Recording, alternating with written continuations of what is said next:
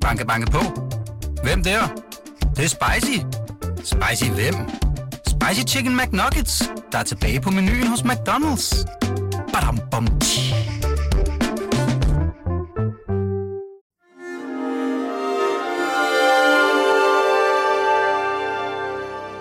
Du lytter til Avistid, en podcast fra Weekendavisen.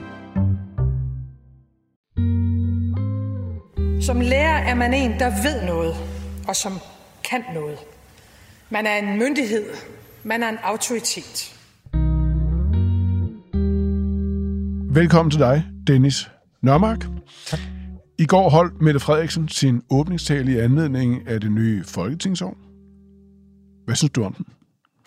Jeg synes, jeg blev håbefuld. Øh, jeg synes, at hun fortsætter det der frisættelsesprojekt, hun har annonceret tidligere, og nu er hun også blevet konkret i forhold til det, så det synes jeg var godt. Interessant. Den handlede nemlig om øh, folkeskolen og det tab af autoritet, som lærerne og skolen som institution har lidt gennem årtier.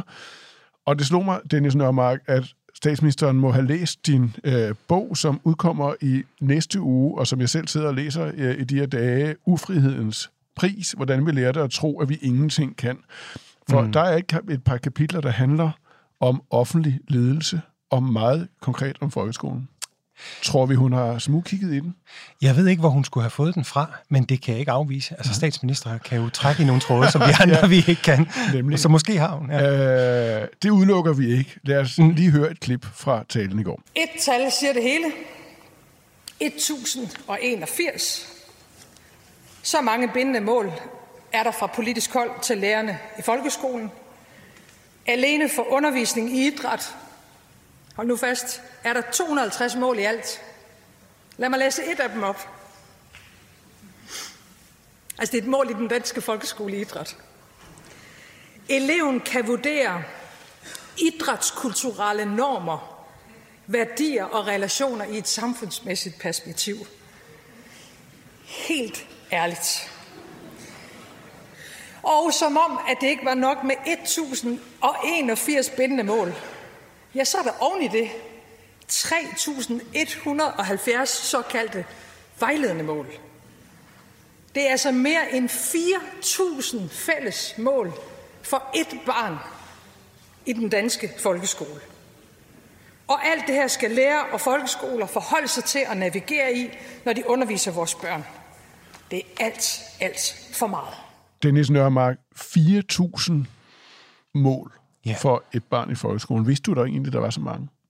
Øh, ja, det vidste jeg godt. Jeg beskriver det også i bogen, fordi det, det var jo et, øh, en af de eksempler på ufrihed, jeg gerne vil prøve at afdække. Altså, at man i den, grad, i den detaljeringsgrad for at vide, hvordan man skal udføre sit arbejde. Hvem, hvem har egentlig lavet de uh, mål? Jamen, det har ministeriet jo. Altså, der har jo siddet nogle folk inde i, i, i undervisningsministeriet øh, og, øh, og komponeret det her med selvfølgelig nogle, noget hjælp fra nogle eksperter osv. osv. Der ligger ikke nogen som helst øh, dyb faglighed bag de her mål. Det er blevet afsløret øh, senere af en, en, en anden forsker, der har kigget på det. Det er sådan lidt synsninger og idéer, som er blevet til øh, retningsgivende mål for en hel folkeskole. Dennis Nørmark, du har jo skrevet den her bog. Øh, vi havde øh, et interview med dig i, i Weekendavisen i, mm. i sidste uge, skrevet af Arne Hardis, og jeg har inviteret dig ind her for at tale konkret om folkeskolen mm. på baggrund af talen her øh, i går i Folketinget. Hvorfor interesserer den måde, vi driver folkeskolen dig i det her perspektiv? Fordi at da jeg for fem år siden skrev på en bog, der hed Søvdearbejde, så har jeg været ude og holde rigtig mange foredrag. Og, og, og noget af det, jeg meget ofte hørte, særligt var i den offentlige sektor, det var sådan lidt, lidt ældre offentligt ansatte fortalte, det var ikke sådan en gang. En gang så havde vi en enorm stor frihed. Vi kunne sådan set tilrettelægge tingene, som vi havde lyst til. Om det så var undervisere i folkeskolen eller pædagoger, eller stort set alle andre grupper kunne sige, at der var ikke, der var ikke så mange ledere. Øh, administrationen hjælper for vores arbejde. De kom ikke med nye idéer hele tiden, som vi skulle implementere. Og der var en tillid til, at vi havde netop den her autoritet, den her evne til at forvalte vores embede. Og det var ligesom os selv som faglighed, der stod på mål for fagligheden. Der var sådan en faghygiejne, mm. som faget af professionelle på en eller anden måde varetog selv, uden at der var sådan særlig meget retningsgivning udefra. Og de siger samstemmende, det var fantastisk. Mm. Det var en, en enorm glæde at gå på arbejde, og vi kunne udrette så meget, og man havde lyst til at arbejde, man vidste ikke, hvornår man var på arbejde, hvornår man underviste, hvornår man forberedte sig. Det hele flød sammen. Ikke? Altså.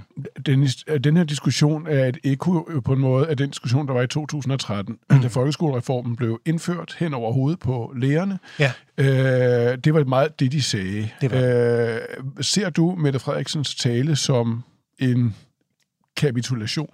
Hun sad selv som beskæftigelsesminister i den regering, der indførte folkeskolereformen. Ja, det, det, det, det må man jo se det som. Altså, at man simpelthen vurderede, altså nu har man jo fået, at man, altså, selve reformen er jo blevet pillet fra hinanden i evalueringen, altså den har simpelthen intet godt øh, gjort.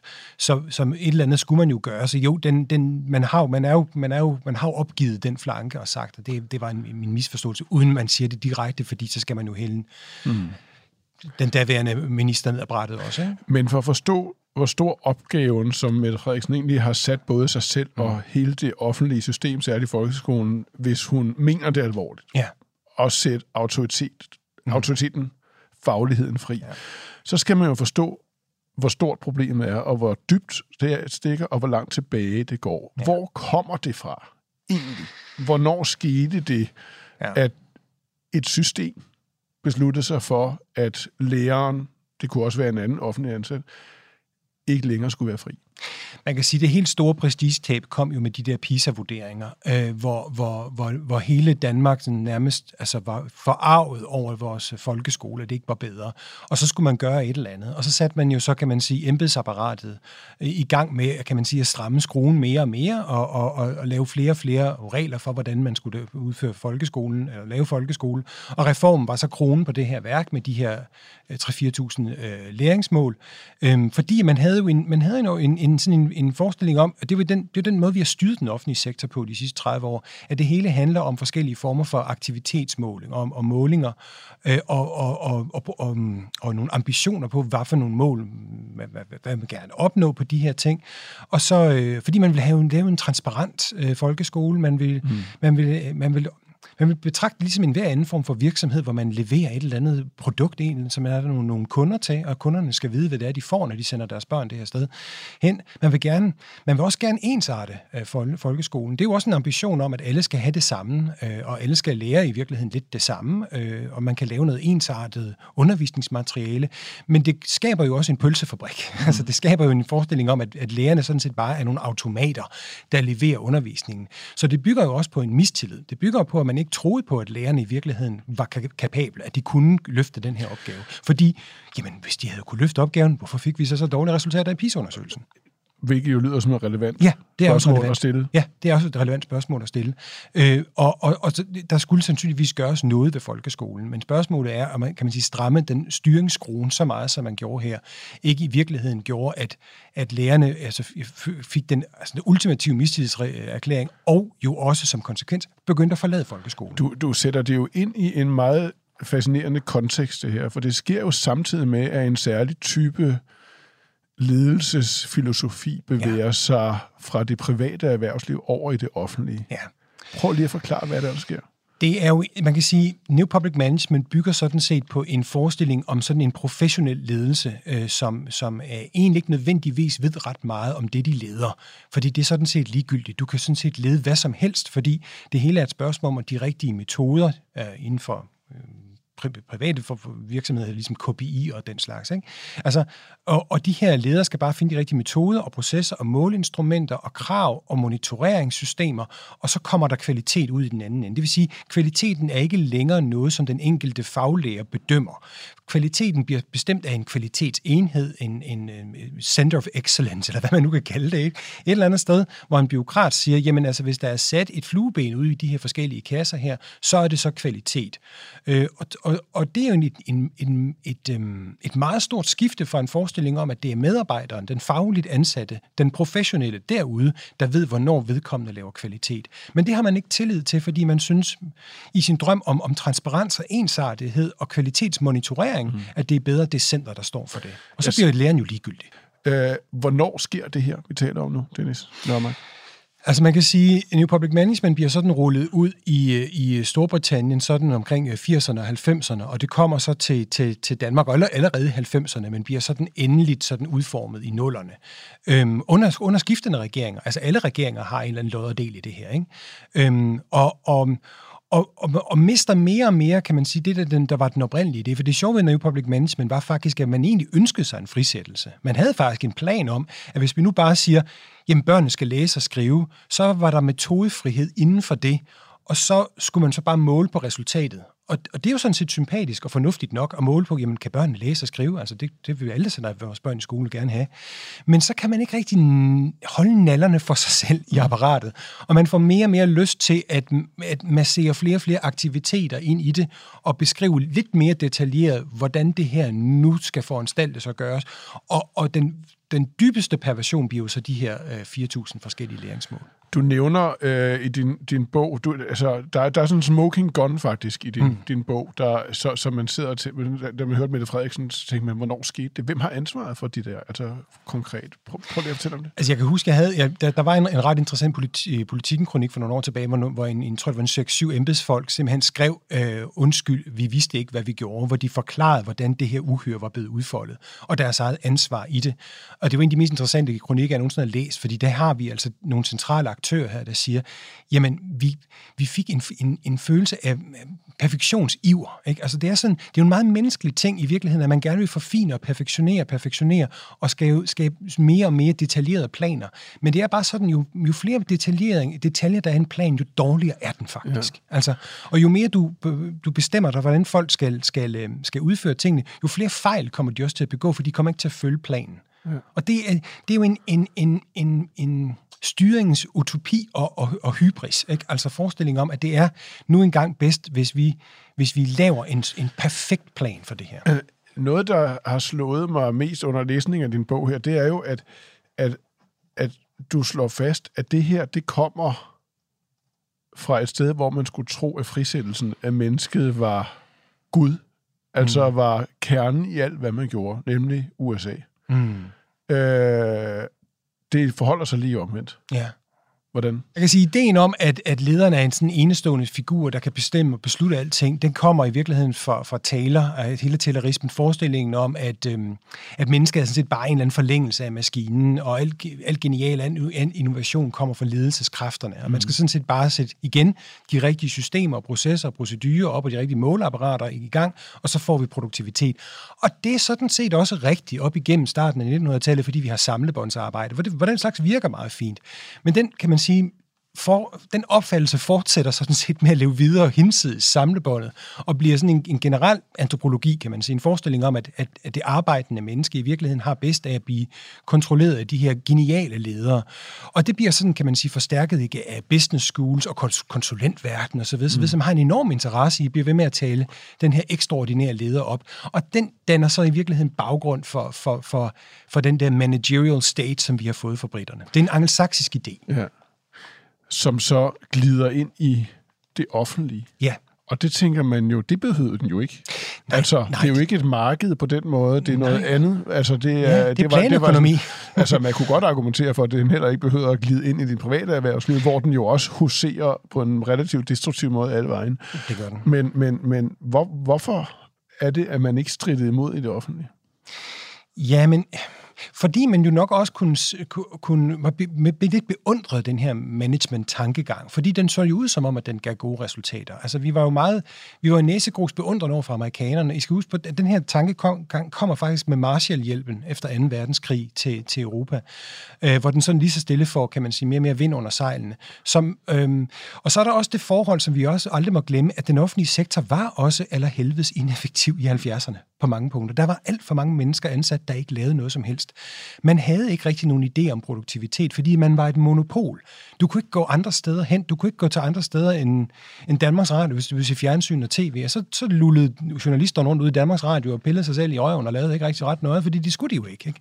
Og, og, og, så, så der var også noget at komme efter. Og man ville jo også i nogle år der, vil jeg tro, i, da der begynder at komme kritisk fokus på mm. folkeskolen, mm i 80'erne allerede, ja. vel, ja. Øh, op gennem 90'erne, samtidig med, at den her form for øh, New Public Management ja. gør sit indtog at sige, der går simpelthen for mange lærere rundt i deres egen verden, og de ja. gør sgu ikke, de løfter simpelthen ikke deres arbejde ja. ordentligt. Og det er også rigtigt. Øh, øh, man kan sige, men man, man bruger ufattelig mange kræfter for at ramme nogle få. Ikke? Altså, fordi det er helt sikkert, og når jeg interviewer med øh, de her, øh, de her læger og pædagoger, så siger de jo også, at vi havde helt klart nogen, der ikke lavede dagens gode gerning, altså som sad i, en, i, en, i et hjørne og spillede guitar en hel dag, eller nogen, der gik til i druk, eller alle mm. mulige andre ting. Det var, det var faktisk normalt i den offentlige sektor før. Øh, og, men fordi ambitionen er, kan man sige, den her den her totale løsning, hvor der er styr på det hele, og hvor den slags mennesker ryger ud, så kommer man til at skede de 95 procent, der faktisk laver deres arbejde med glæde og ja. føler et kald i det, de laver, fordi man faktisk ret konsekvent forsøger at destruere kaldstanken. Man forsøger at fjerne den. Hvad er det for en, øh, et menneskesyn, der ligger i det her? Det er jo et menneskesyn, der går på, at et menneske i virkeligheden er dovent. Ikke? Det gider mm. ikke lave sit arbejde. Hvis det ikke får nogen penge for det, og hvis det ikke får noget pisk og noget gulerod, så sætter det sig bare ned med den der guitar mm. i hjørnet. Men det er ikke rigtigt. Mennesker er nogle, nogle virksomme væsener, der har lyst til at lave ting, gerne vil forbedre sig, og gerne vil imponere andre og sig selv osv. Så, videre. så det var sådan en, en, mis, en, en, en generel mistrostænkning mm. fra systemet, og fra en lang række økonomer og statskundskaber, der ligesom erhvervede sig den her opfattelse på universitetet, og så begyndte at, at, at lede efter den. Og så sker der jo det, den bliver en selvopfyldende profeti. Så begynder folk jo at opføre sig på den måde. Mm. Så begynder de at opføre sig som, som lønmodtagere, der brokker sig hele tiden, og, og ikke vil gøre mere end det, at de absolut skal. Fordi de har fået at vide systemet, at de er sådan nogen. Og så bliver man det også over mm. tid. Mette Frederiksen i sin tale kombinerer to værdier, når hun taler om folkeskole, læreren ja. i klasseværelset. Ja. Det menneske, vi alle sammen ser for os. Mm. Enten fordi vores børn har et menneske eller flere hver dag, som vi hilser på om morgenen og om eftermiddagen, eller fordi vi selv kan huske de lærere, vi har haft. De to værdier er, kommer fra to forskellige sådan grundlæggende værdisæt. Det ene handler om autoritet, mm. konservativt værdisæt. Mm. Det andet handler om øh, frihed, et liberalt værdisæt. Prøv lige at fortælle, hvordan de to hænger sammen, som du siger. Jamen, jeg mener, at, øh, jeg mener faktisk, at Mette Frederiksen autoritet er en god ting. Øh, altså, at jeg taler i min bog heller ikke for en eller anden fuldstændig galopperende frihed, hvor vi bare, altså, hvor det er sådan den totale emancipation, og der er ingen som helst bånd eller rammer om noget som helst. Øh, autoriteter er, er godt. Jeg er skeptisk over for hierarkier, grundlæggende. Men autoriteter kan jeg godt lide. Der er nogen, der ved bedre end nogen andre. Øh, der er nogen, der er eksperter for forskellige sagforhold, og der er også lærere, der er autoritetsfigurer, fordi at de skal fortælle børnene, hvad der er det rigtige og hvad der er det forkerte. Øh, og, og, og jeg er enig med, med Mette Frederiksen i, at den autoritet er blevet taget fra lærerne og lagt over i hierarkiet. Altså i de mennesker, der kan bestemme og beslutte og lovgive og tvinge. Øh, og det er den form for, for magt over, der har, der, har, der har formindsket lærernes naturlige autoritet. Så autoriteten kommer ikke uden frihed. Det er på en måde det, du siger. Du bliver nødt til at have en, en, en, en frihed for, for, at kunne, for at kunne følge en autoritet, fordi du tænker, at det, der, der er nogen, der skal retlede mig i det her, kan man sige, øh, Moras. Hvis det hele var et spørgsmål om, om tvang og hierarkier, jamen så, så, var der ikke, så var der ikke nogen frihed, og så var der heller ikke nogen grund til at have en naturlig autoritet, fordi du skulle alligevel gøre, som du får besked på.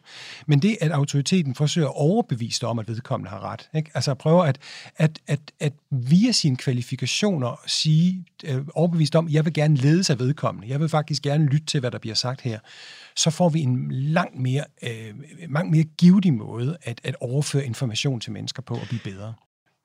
Vi taler jo om to borgerlige eller blå kerneværdier, frihed og autoritet. Det er en socialdemokratisk statsminister, der udtrykker dem. Ja, det er overraskende, fordi at, at socialdemokrater kan grundlæggende godt lide at bestemme over andre. De er jo, kan man sige, socialingeniørerne bag den her ekstremt vel, indgribende velfærdsstat, vi har, hvor man jo ikke føler sig for god til at blande sig i alle mulige detaljer af folks liv. Så man kan sige, hun skal sådan set også gøre, tage et opgør med en, en socialdemokratisk grundtanke om, at man kan godt lide at bruge statens magt til at bestemme over andre. Mette Frederiksen lægger jo så op til nu, at nu er det nu. Nu skal lærerne have autoriteten tilbage. I næste uge præsenterer regeringen vores oplæg til en ny folkeskole. Her vil vi foreslå, at hver gang der findes 10 mål, så fjerner vi de 9 af dem. Det svarer til, at vi dropper mere end 3.800 bindende og vejledende mål for folkeskolen. Lad os sætte den fri. Tror du på Mette Frederiksen? Ja, det, det, det, det tror jeg på, øh, fordi at hun har jo hun har jo tidligere udvist det der øh, mod. Hun har selv været helt imponeret over, hvor modig hun er nogle gange. Øh, og hun har også vist, at hun tør at trygteste embedsapparatet. At hun tør at tage de mennesker, der skal forvalte det her, øh, og sige til dem, det er mig, der bestemmer. For jeg kunne godt frygte, at en, en sværere statsminister vil, vil, vil, vil blive slået tilbage af embedsapparatet, der vil, der vil sige, at det er meget spændende, statsminister, men du skal lige Men man kan også godt fornemme, at, hvad udfordringen kan være for hende selv, fordi hun kan i samtale jo heller ikke helt lade være med at sige, måske kunne det være sådan, at øh, mere sådan øh, praktisk orienterede drenge i de ældre klasse, klasser en til to dage om ugen kan være i, i virksomhedspraktik. Øh, så har hun jo også, ja. at det er jo allerede en detaljstyring. Jamen, altså, folkeskolen har jo altid været det sted, hvor vi, hvor vi vil implementere alle de dejlige ting, vi godt kunne tænke os ud i samfundet. Og det, og det har folkeskolen jo også været uendeligt træt af, at hvis gang der var en eller anden ny politisk dagsorden, så skulle de på en eller anden måde være bannerfører eller afsender på den også. Så, og sådan vil det nok blive ved med at være. Men det er trods alt at fjerne de her, nogle af de her mål et, et, et skridt i den rigtige retning. Jeg kan faktisk ikke forstå, hvorfor de ikke fjerner dem alle sammen. Altså, hvis du går ind og læser folkeskolens formålsparagraf, så synes jeg, at den er enestående. Præcis. Det der burde være nok. Hmm. Du har selv talt med Mette Frederiksen i hendes podcast. Ja. Du har været gæst. Ja. Ja. Privilegeret invitation, du fik ja. øh, der. Øh, Dennis, hvad, hvad, er din, hvad er dit indtryk øh, af det, hun taler om? Er det, hvor stor er opgaven egentlig? Om og, det ved og, og forstår hun det? Det ved hun godt. Det ved hun godt, den er. Hun ved godt, at der er et, et, gig, et, et gigantisk system, hvor man skal nogle gange springe en håndgranat ind i det for at gøre, for at gøre noget anderledes. Mm. Og at der er mange inter, øh, interesser på spil. Og hun ved også godt, at, at, at politikere kan godt stå den ene dag og tale om frisættelse, og når de så skal sidde i et eller andet udvalgsmøde og diskutere detaljerne i en eller anden reform, så vil de alle sammen gerne der små kæpheste med og lige finjustere her, og kunne vi ikke også få det, og kunne vi ikke også få det. Og så bliver det sådan en gavebod, hvor man ser og giver alle mulige ting til politikerne, og pludselig så har du fået endnu et elendigt kludetæppe mm. af detailregulering. Så din opfordring er, tag splitten ud af håndgranaten og gå din vej. Ja, ja, og hvis de er så modige i den her regering, og de, er så, og de, kan, og de kan styre ting selv uden indblanding for alle mulige andre, så gør det dog. Tak skal du have. Og held og lykke med udgivelsen af din bog. Den kommer i næste uge på onsdag. Den hedder Ufrihedens pris. Hvordan vi lærer det at tro, at vi ingenting kan. Så vidt jeg kan læse mig frem til, jeg er halvvejs. Skide god bog. Tak. Tak skal du have. Det var øh, denne udgave af Avistid, der blev produceret og tilrettelagt af Birgit Nissen Petersen, vi lånte et klip fra Folketingets tv-kanal. Tak for det. Jeg hedder Martin Krasnik. Vi høres ved.